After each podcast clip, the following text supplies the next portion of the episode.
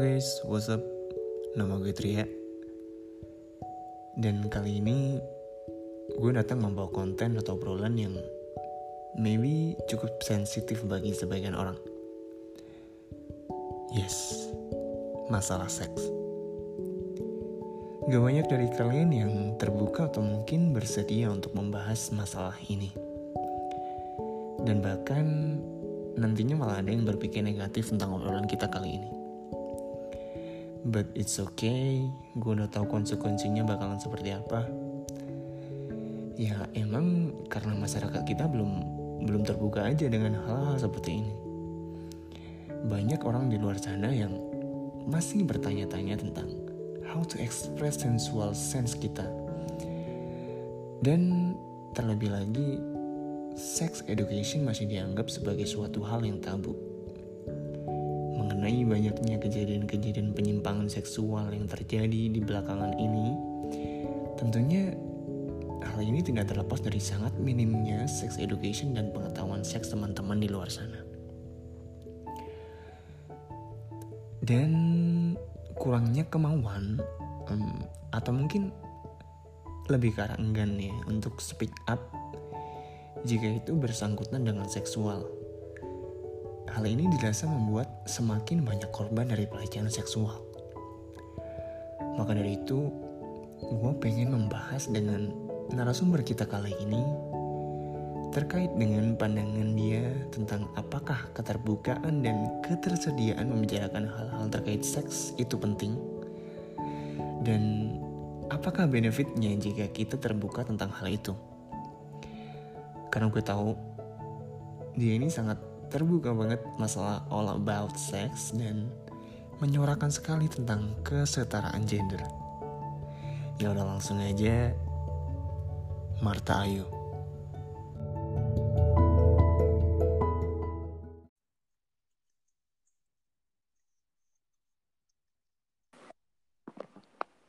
Halo. Halo Marta. Halo Marta? Halo, apa kabar? Gimana kabarnya? Baik. Gimana okay. kabarnya sendiri? Bagus, bagus. Baik, baik, baik, baik. Udah siap dengan obrolan kita malam ini? Uh, insya Allah siap. Harus siap lah ya. Oke, okay. oke okay, buat teman-teman, ya aku sebelum kita mulai pembicaraan ini, gue mau mau nyampein sebuah disclaimer bahwa di sini kita berbicara bukan seolah kita menggurui ya atau sebagai personal yang ahli dalam bidang sex education. Ya di sini kita hanya memberikan pendapat kita dan juga pandangan mengenai keterbukaan pemikiran seseorang dengan sisi sensual. Oke langsung aja, Marta. Hmm. Lo tuh siapa sih sebenarnya? Marta dong kayak kayak nggak enak gitu loh kayak okay. soalnya biasanya dipanggilnya Tata gitu. Oke. Okay. Oke, okay, Oke. Okay. Oke. Kakak Tata yang cantik. kakak. Oke. Lo tuh lo, lo tuh siapa sih sebenarnya?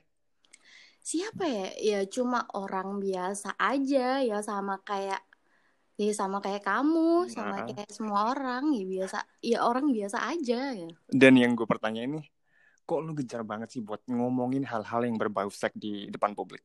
Why? Iya, karena kenapa ya? Uh, karena kebanyakan orang itu uh, enggak sih, maksudnya kebanyakan orang di lingkunganku, maksudnya teman-temanku di circleku itu mereka tuh uh, bisa melakukan itu, tapi mereka itu tidak mengerti gimana sih uh, caranya uh, cara melakukan seks yang baik dan benar, maksudnya gitu. Kayak hmm. biar biar kamu itu nggak kena uh, minimal uh, ya bisa menghindari resiko-resiko yang tidak diinginkan lah gitu. Oke, okay. oke. Okay. Berarti intinya lu tuh tahu apa yang ada di belakang lo sehingga lu bisa nyimpulin dan bisa melatar melatar belakangi pemikiran lo sehingga lu ngerti, oh, gue ini harus seperti ini, gue harus terbuka. Itu ada di pikiran lo. Bener. Hmm, gitu, gitu, gitu. Dan kalau menurut lo sendiri sih, apa sih untungnya buat mereka jika mereka terbuka dengan masalah seks. Ya seperti yang lo lakuin gitu. Apa untungnya buat mereka? Iya untungnya buat diri mereka sendiri yang jelas. Terus uh, ya buat kesehatannya. Uh, bukan kesehatan fisik doang tapi mentally sama physically juga gitu. Kalau untuk masalah physically setidaknya mereka mereka tahu gimana cara melakukannya yang benar sehingga terhindar dari penyakit seperti itu kah? Iya, betul sekali. Berarti Bukan kalau penyakit doang di uh, sini tuh gimana? kayak ada banyak gitu loh resikonya, kayak hmm. KTD atau kehamilan yang tidak diinginkan gitu kan dan sebagainya. Oh gitu gitu. Berarti kalau kalau boleh nih gue nyimpulin nih. Hmm. Berarti kamu nggak masalah dong bagi mereka yang belum memiliki ikatan khusus dalam tanda kutip melakukan hal-hal seperti itu. Do whatever you want, it's not my business. Ah, gitu. Berarti berarti lo lo lo lo nggak masalah mempermasalahkan itu kan intinya? Uh, enggak ya buat apa juga gitu kan nggak ada untung dan ruginya di aku gitu kan. Dan intinya lo juga nggak mau ngejudge mereka juga kan? Enggak bebas gitu ya lo. Bebas. lo mau ngapain juga bebas bebas serah lo gitu hidup hidup kan. lo gitu kan. Yang penting lo nya sendiri memberikan arahan seperti ini uh, sehingga nantinya nggak terjadi hal-hal yang nggak dimungkinkan juga gitu kan Iya, gitu. Dan menurut lo nih, mengenai teman-teman kita yang masih close minded di luar sana gitu kan. Oh. Kira-kira lo tau nggak penyebabnya itu apa?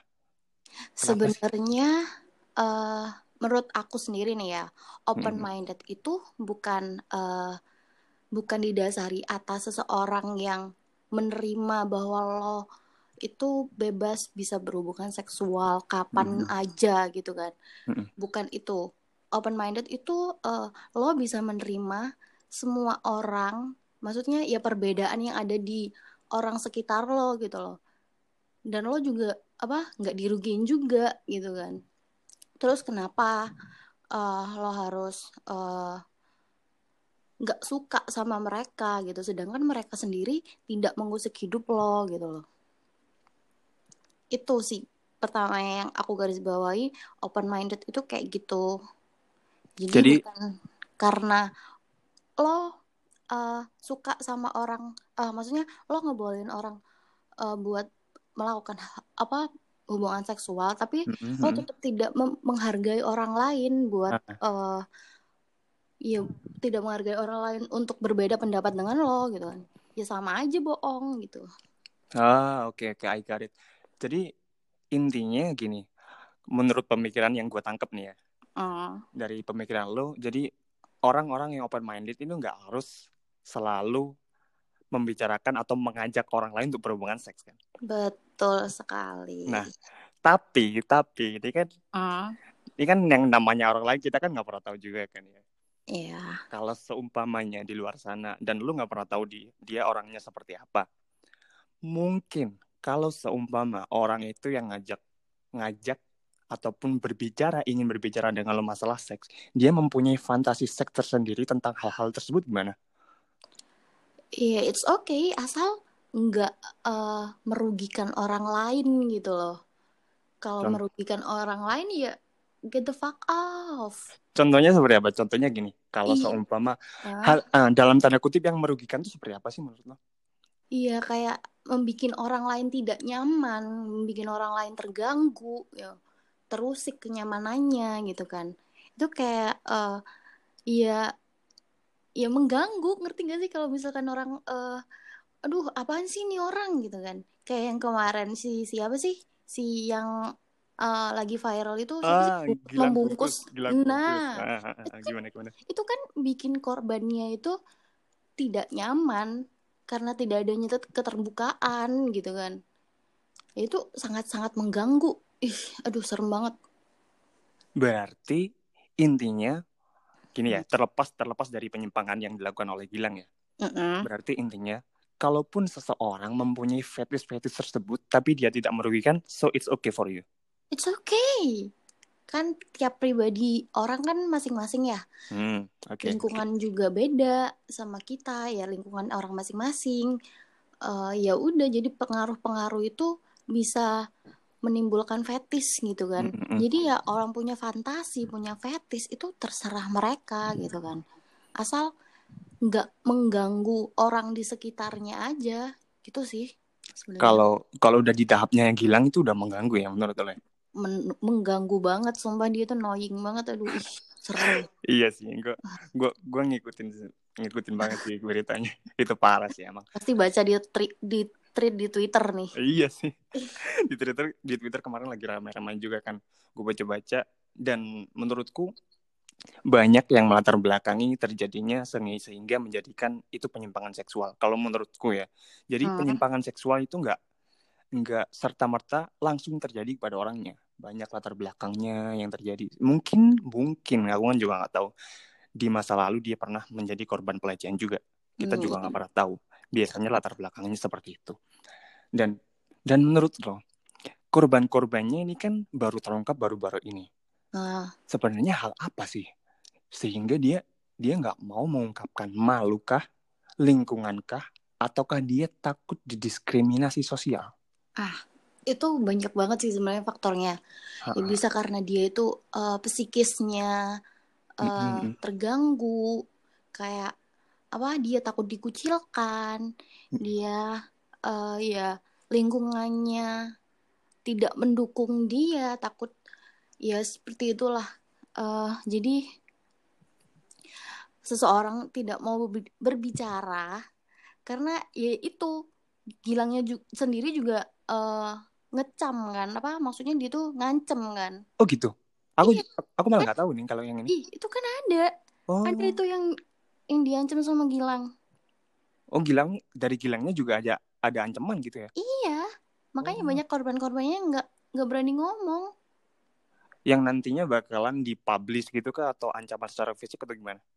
ya ancamannya kayak gimana ya eh gimana sih kemarin tuh aku lupa ya kayak eh jangan apa jangan harap kamu eh, kuliah di sini tuh bakalan aman ya kayak gitu-gitu deh semacamnya dan semacam-macamnya Gila juga dia. ya. Act like predator gitu ya, parah ya. ih parah banget Wow. Kalau masalah kalau masalah dari korban-korbannya, apakah dari korbannya itu sebenarnya ada yang memang sudah tahu kebusukan dari Gilang atau memang taunya dari orang lain? Eh, ternyata Gilang tuh gini loh. Gimana? wah kalau aku sih kurang tahu ya karena aku sendiri juga nggak kenal korbannya dan Heeh. aku juga nggak apa nggak lumayan me- mendalami kasusnya karena apa ya udah creepy banget sumpah aduh Iya sih parah sih kalau Gilang. Ka- kalau Gilang bungkus itu bener-bener. Aku ada pertanyaan juga. Hah? Ada nggak sih bedanya fetis sama penyimpangan seksual? Itu sama atau nggak sih sebenarnya penyimpangan seksual itu dengan fetish? eh, yang dimaksud penyimpangan seksualnya itu kayak gimana dulu apa dia itu nanti bisa menimbulkan sexual harassment ke Nah. orang lain Mm-mm. kalau pihak-pihak yang eh, pasangannya nggak setuju nih Mm-mm. maksudnya misal nih si A punya fetish eh, ketiak deh Ah, iya iya. kan udah umum gitu kan. Iya. punya fetish ketiak terus ngajak si pasangannya ini yuk gitu. Tapi aku punya fetish ketiak loh terus si pasangannya ini nggak setuju gitu kayak maksudnya aku nggak nyaman gitu kan. Terus habis itu ya si A ini maksa. Nah terjadilah eh apa pemaksaan di sana. Nah kalau itu sudah termasuk seksual harassment.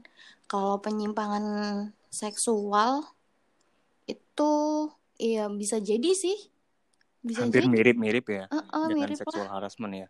Mm-mm. Jadi jadi intinya selama fetish itu tidak mengganggu pasangan pasangannya dia itu nggak masalah juga ya sebenarnya. nggak masalah Apalagi Iya. kalau dua-duanya su- suka sama suka gitu kan. nah betul Dan dalam tanda kutip ada juga loh pasangan-pasangan yang tanpa adanya fetish dia di- dia juga tidak bisa merasa terangsang. Ada juga orang yang seperti itu.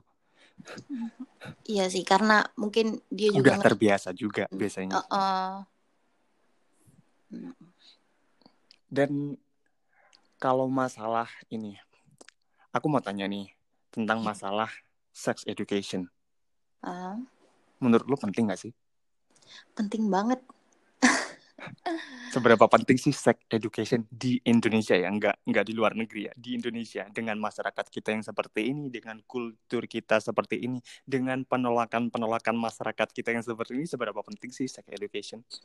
kayak eh bener-bener penting banget apalagi kebanyakan ya kebanyakan korban-korban uh, bukan korban apa ya KTD atau kehamilan yang tidak diinginkan ini terjadi pada usia pada usia-usia uh, anak SMP gitu kan banyak kan ya? Di pedesaan gitu kan banyak anak SMP belum lulus udah hamil gitu kan. Nah itu tuh sebenarnya sebenarnya uh, udah harus dicekokin sama seks edukasi. Tapi dulu pas aku SMP tuh kayaknya kebany kayaknya kebanyakan uh, kita dikasih tahu HIV HIV itu apa bla bla bla bla bla. Tapi tidak kayak nggak menjurus kepada sex educationnya gitu loh. Nah kalau kamu kan tadi bilang yang nggak menjurus ke sex educationnya.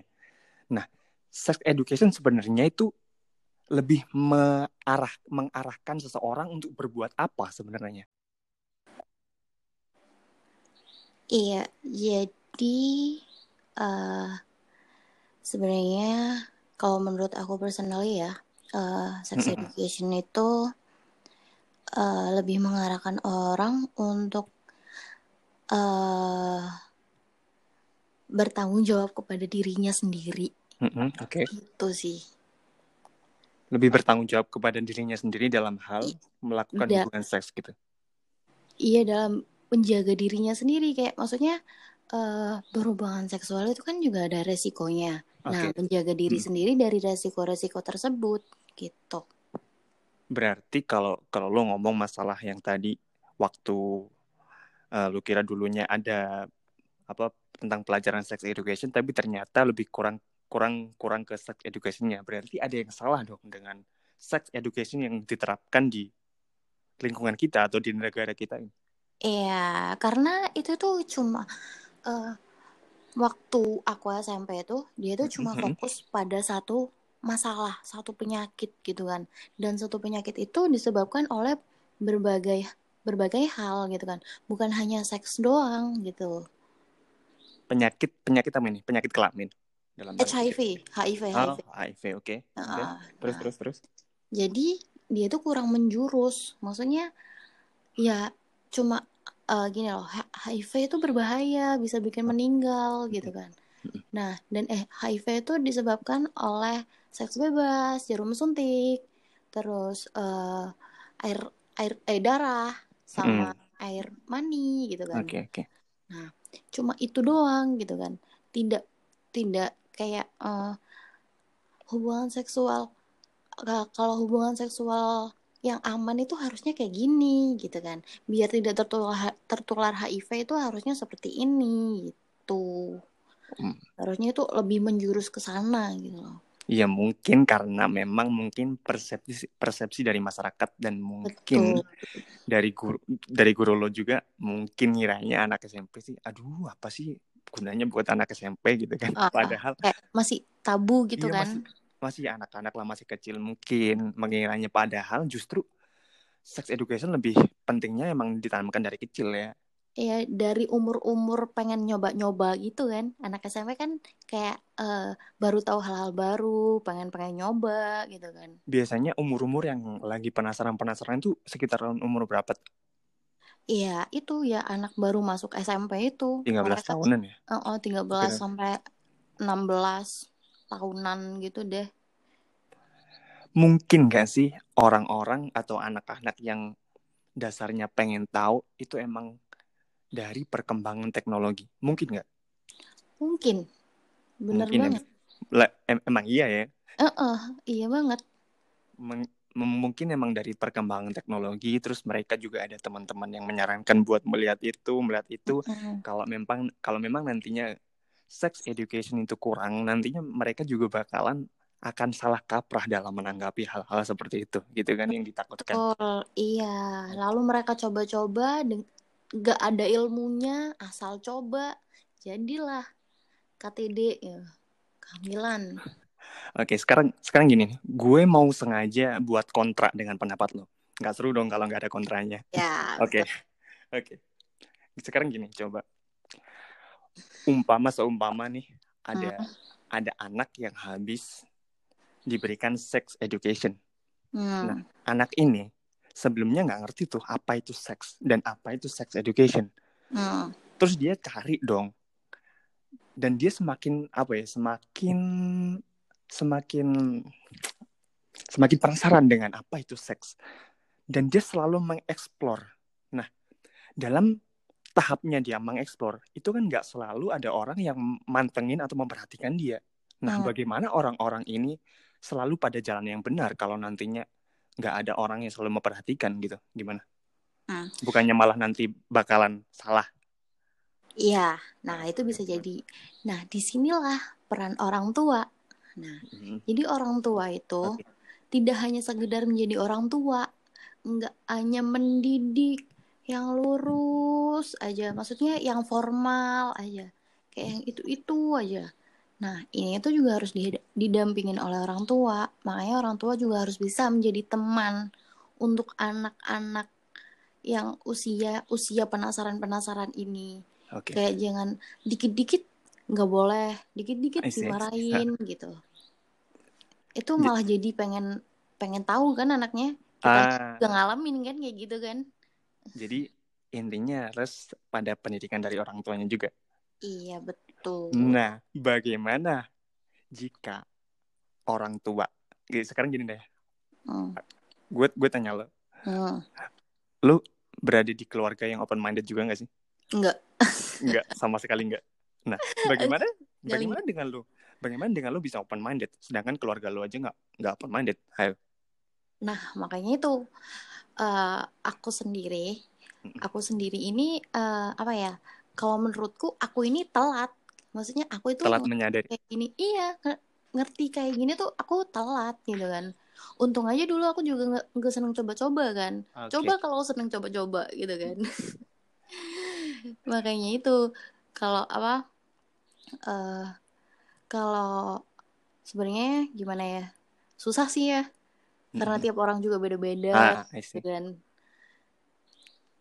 Tapi Makanya, makanya lebih lebih ke arah gini, lebih ke arah dari pribadi lo deh gimana deh, sehingga lo nya tuh ada kemauan buat speak up.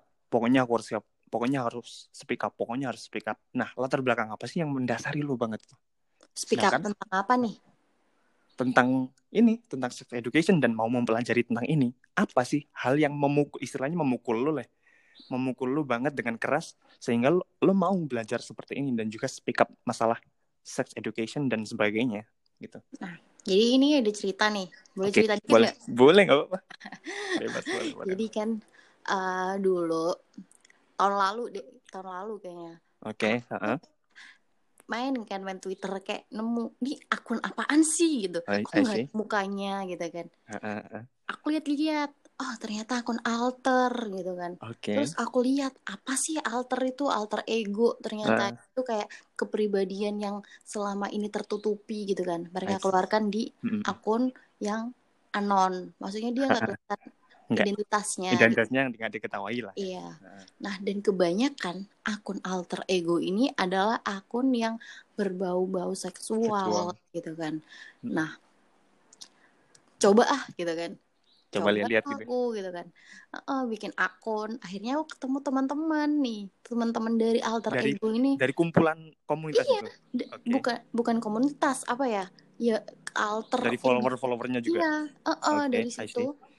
Jadi aku ketemu teman-teman, sering main gitu kan. Terus aku lihat-lihat, aku denger-denger teman-teman ini cerita cerita gini gini gini. Kok rasanya ada yang ganjel gitu kan. Oke. Terus setelah aku pelajarin, nah di situ itu aku kayak kok ini teman-teman kayak gini-gini ya gitu ya. Terus aku mulai tertarik nih. Wah, Oke. ada apa nih gitu kan. Mulailah dari sana. Sedikit, dikit, dikit, dikit. Akhirnya, hmm, tertarik banget sama ini gitu kan. Apa sih yang buat buat lo klik banget? Ih, ini harus gue pelajari nih. Apa sih? Apa? Apa? Hal apa? Yang mana? Gitu. Ah, Gak apa-apa sebut aja, gak apa-apa. Santai aja. Di sini aja bebas gak ada sensor sih. Iya. Oke. Eh, jadi teman-teman aku tuh kayak mereka menjual, aduh, gak enak banget apa ya istilahnya. Eh, Gak apa-apa, jangan, pokoknya jangan sebut nama aja, gak apa-apa. Bilang aja teman siapa gitu. Jangan, Iya. Pokoknya jangan sebut, sebut nama. hmm. Oke. Jadi ya mereka suka jajan lah, istilahnya jajan. Oke. Mereka dijajanin, mereka dalam- dijajanin, dalam tanda kutip ya. jajan, Heeh, jajan dalam tanda kutip, gitu kan. Nah, terus aku nanya gini, terus kamu nggak takut kena HIV gitu kan? Oke. Atau minimal penyakit lain lah gitu? Mm-mm. Enggak gitu. Ya tapi kadang takut sih gitu. Terus kalau takut periksa nggak gitu? Enggak gitu. Kenapa nggak periksa? Ya takut lah kalau misalkan aku periksa nanti ketahuan kalau aku HIV, kan aku makin takut. Nah, ini nih, Ah, ini nih gitu. ini. Mau jajan tapi nggak mau berobat. Nah, ini nih salah nih gitu Mau kan. makan tapi nggak mau minum. Eh iya betul. Terus gini, Ah, Oke. eh terus gimana? Ya kan aku sering donor darah gitu. Mm-mm, Kalau misalkan aku nggak ditelepon sama PMI, mm-mm. berarti aku aman-aman aja dong, darah aku sehat gitu kan. Oke. Boleh juga gitu kan. Tapi yang lain nih, yang lain aku tanyain terus satu-satu. Aku tanyain tuh temen-temen satu-satu. Eh, ada program gratis nih, apa eh buat tes tes HIV. Ayo besok aku aku ayo besok aku anterin gitu kan. Dia Mm-mm. bilang, "Nggak mau. Aku nggak mau nanti kalau kalau aku HIV beneran gimana?" Nah, banyak banget banyak banget jawaban yang kayak gitu. Aku sampai Ah. heran. Kan kalau ketahuan kan bisa diobat Nah, sekarang kan ada ARV gitu kan meskipun lo minumnya seumur hidup at least itu memperpanjang umur, umur lo, lo gitu. gitu kan. Uh-uh. Justru kalau kalau lo nggak mau berobat juga, lo matinya juga bakalan cepet gitu kan. nah iya makanya kayak heran banget ini kenapa nih kenapa nih gitu kan Maksudnya di- dia juga melakukan dengan orang yang positif nggak? Dia Iya. tahu nggak kalau Dia dia, melakukan dengan tahu. orang yang itu? dia nggak tahu pasangan-pasangannya ini treknya yang itu dulu sama siapa aja gitu kan Oke oke. Menarik nih. eh gimana gitu ya terus aku naik aku aku juga sering kepo gitu kan biasanya nanya terus kamu kalau sama ini tahu nggak mantan mantannya ini gimana gitu? Ya nggak tahu lah ngapain juga gitu kan. Terus kalau sama yang satunya lagi eh tahu nggak dia itunya sama siapa aja gitu. Dia bilang iya dia sering sih jajan di luar gitu kan. Nah ini nih ini. Wah ini yang parah nih. Berarti intinya dia itu melakukannya itu dengan pasangan yang mau sama mau ya, bukan dengan Iya, maksudnya bukan. dengan- bukan dengan yang bisa Orang- bayar, bukan? Iya, ya mm, nggak juga sih. Kadang mereka dibayar, kadang mereka juga Gue ya gitu gue deh. kira malah dengan orang yang sama mau istilahnya dengan pacarnya kayak dengan Iya, dengan orang yang sama mau. kadang. Kadang-kadang juga. Iya. Berarti dua-duanya dia. Iya, dua- bisa jadi. Oke. Oke, oke. Wah, parah juga sih dengan orang-orang. Tapi tapi setidaknya lo nggak nggak ikut gelap-gelapnya kan cuma Waduh. Enggak sih, tapi sebenarnya jujur banget. eh, Nah. kan aku dari eh, dari kecil kan udah di desa ya. Terus aku sejak kuliah ini eh eh, pindah ke kota gitu Mm-mm. kan. Langsung kena kultur shock gitu kan. Ah, iya, Gila gitu gue kan. paham gitu. Iya Paham, kan? paham. Ya. Iya, iya. Wah gila ternyata kehidupan di kota kayak gini gitu kan. parah sih. Parah sih. Dan- Tapi tapi kan bisa tetap jaga diri dong. Maksudnya bisa tahu Iya. batasan-batasannya nggak sampai yang yang buat Insya buat Allah. main-main. Oke. Kalaupun tuh iya, aku juga nggak mau ngejat orang lain itu serah hidup, hidup semua orang juga hidupnya masing-masing lah kita. Iya, betul betul. Nah selama ini lo kan juga pernah kenal dengan orang-orang yang istilahnya seperti itu banyak lah ya. Bisa dikatakan Iya. banyak lah ya, nggak cuma satu Mm. orang lah ya. Iya, betul. Nah.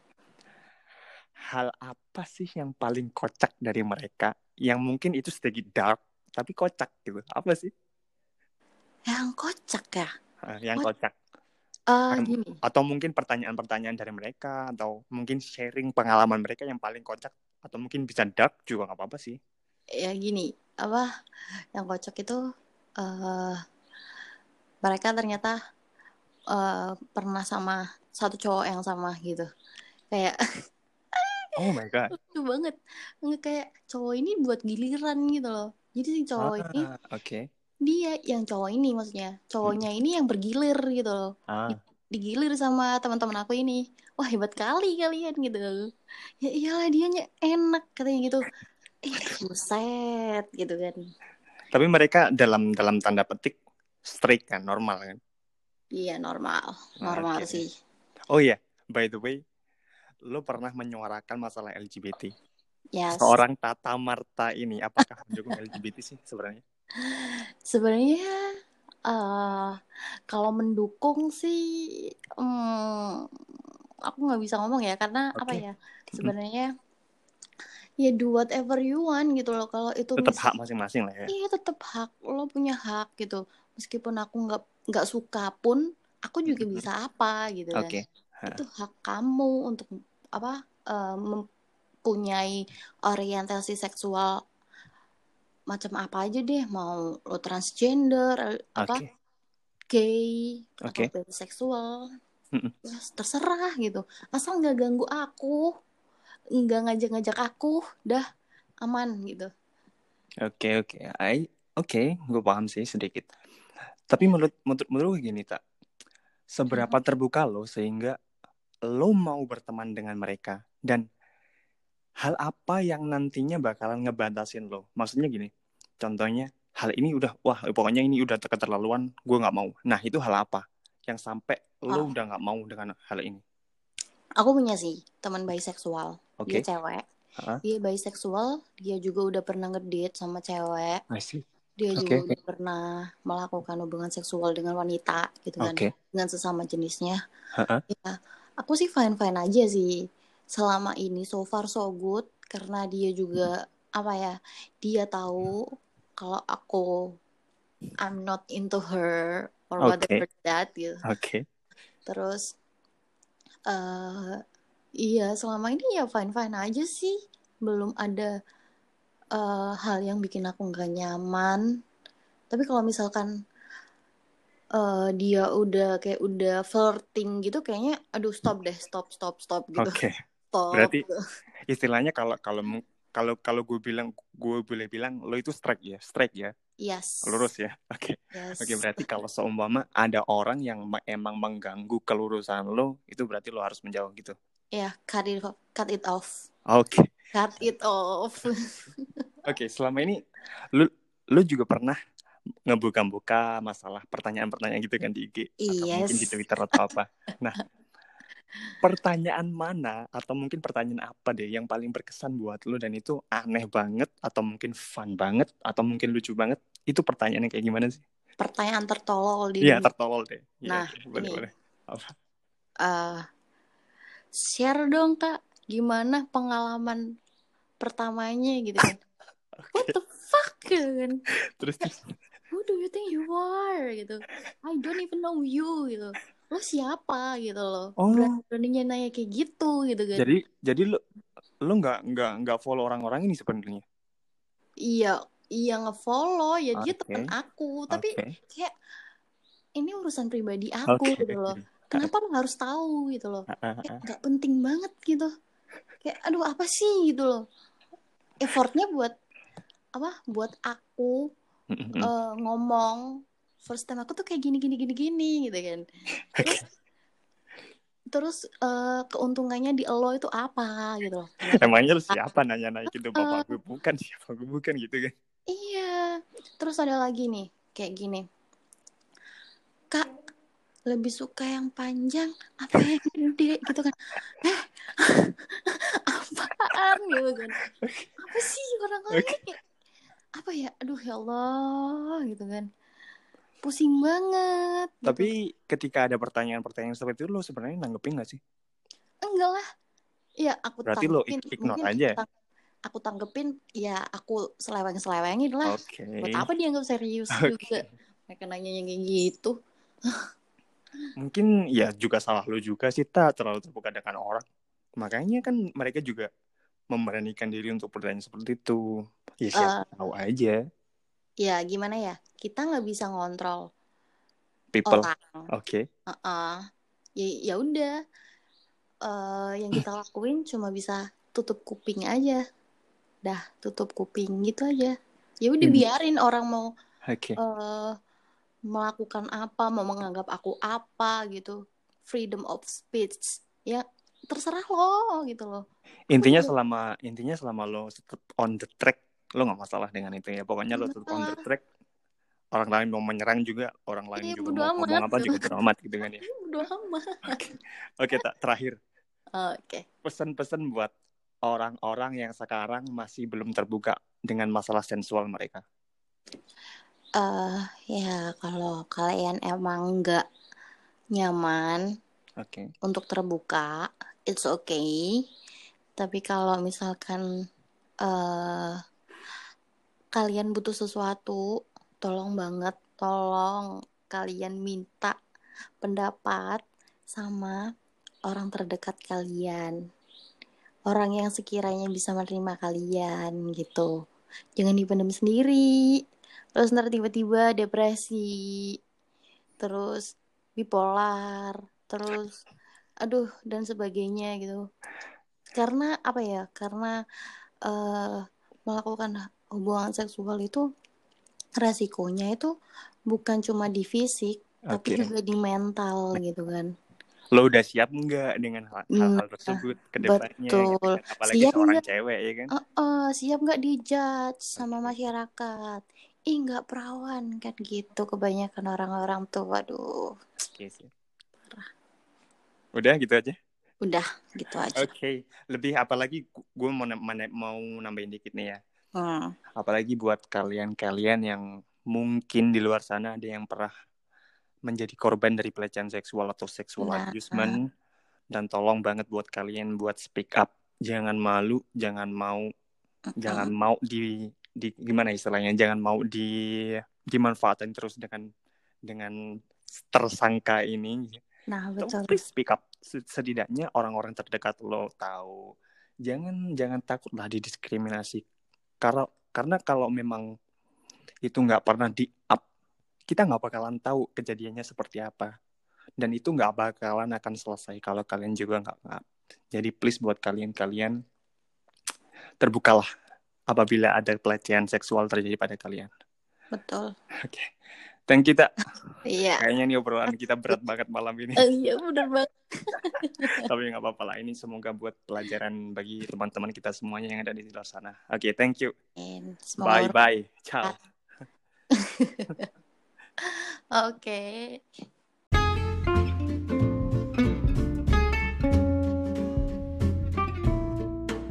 So guys, sekian aja obrolan gue kali ini. Terima kasih buat kalian yang udah stay tune, mantengin kita terus. Terima kasih dan salam.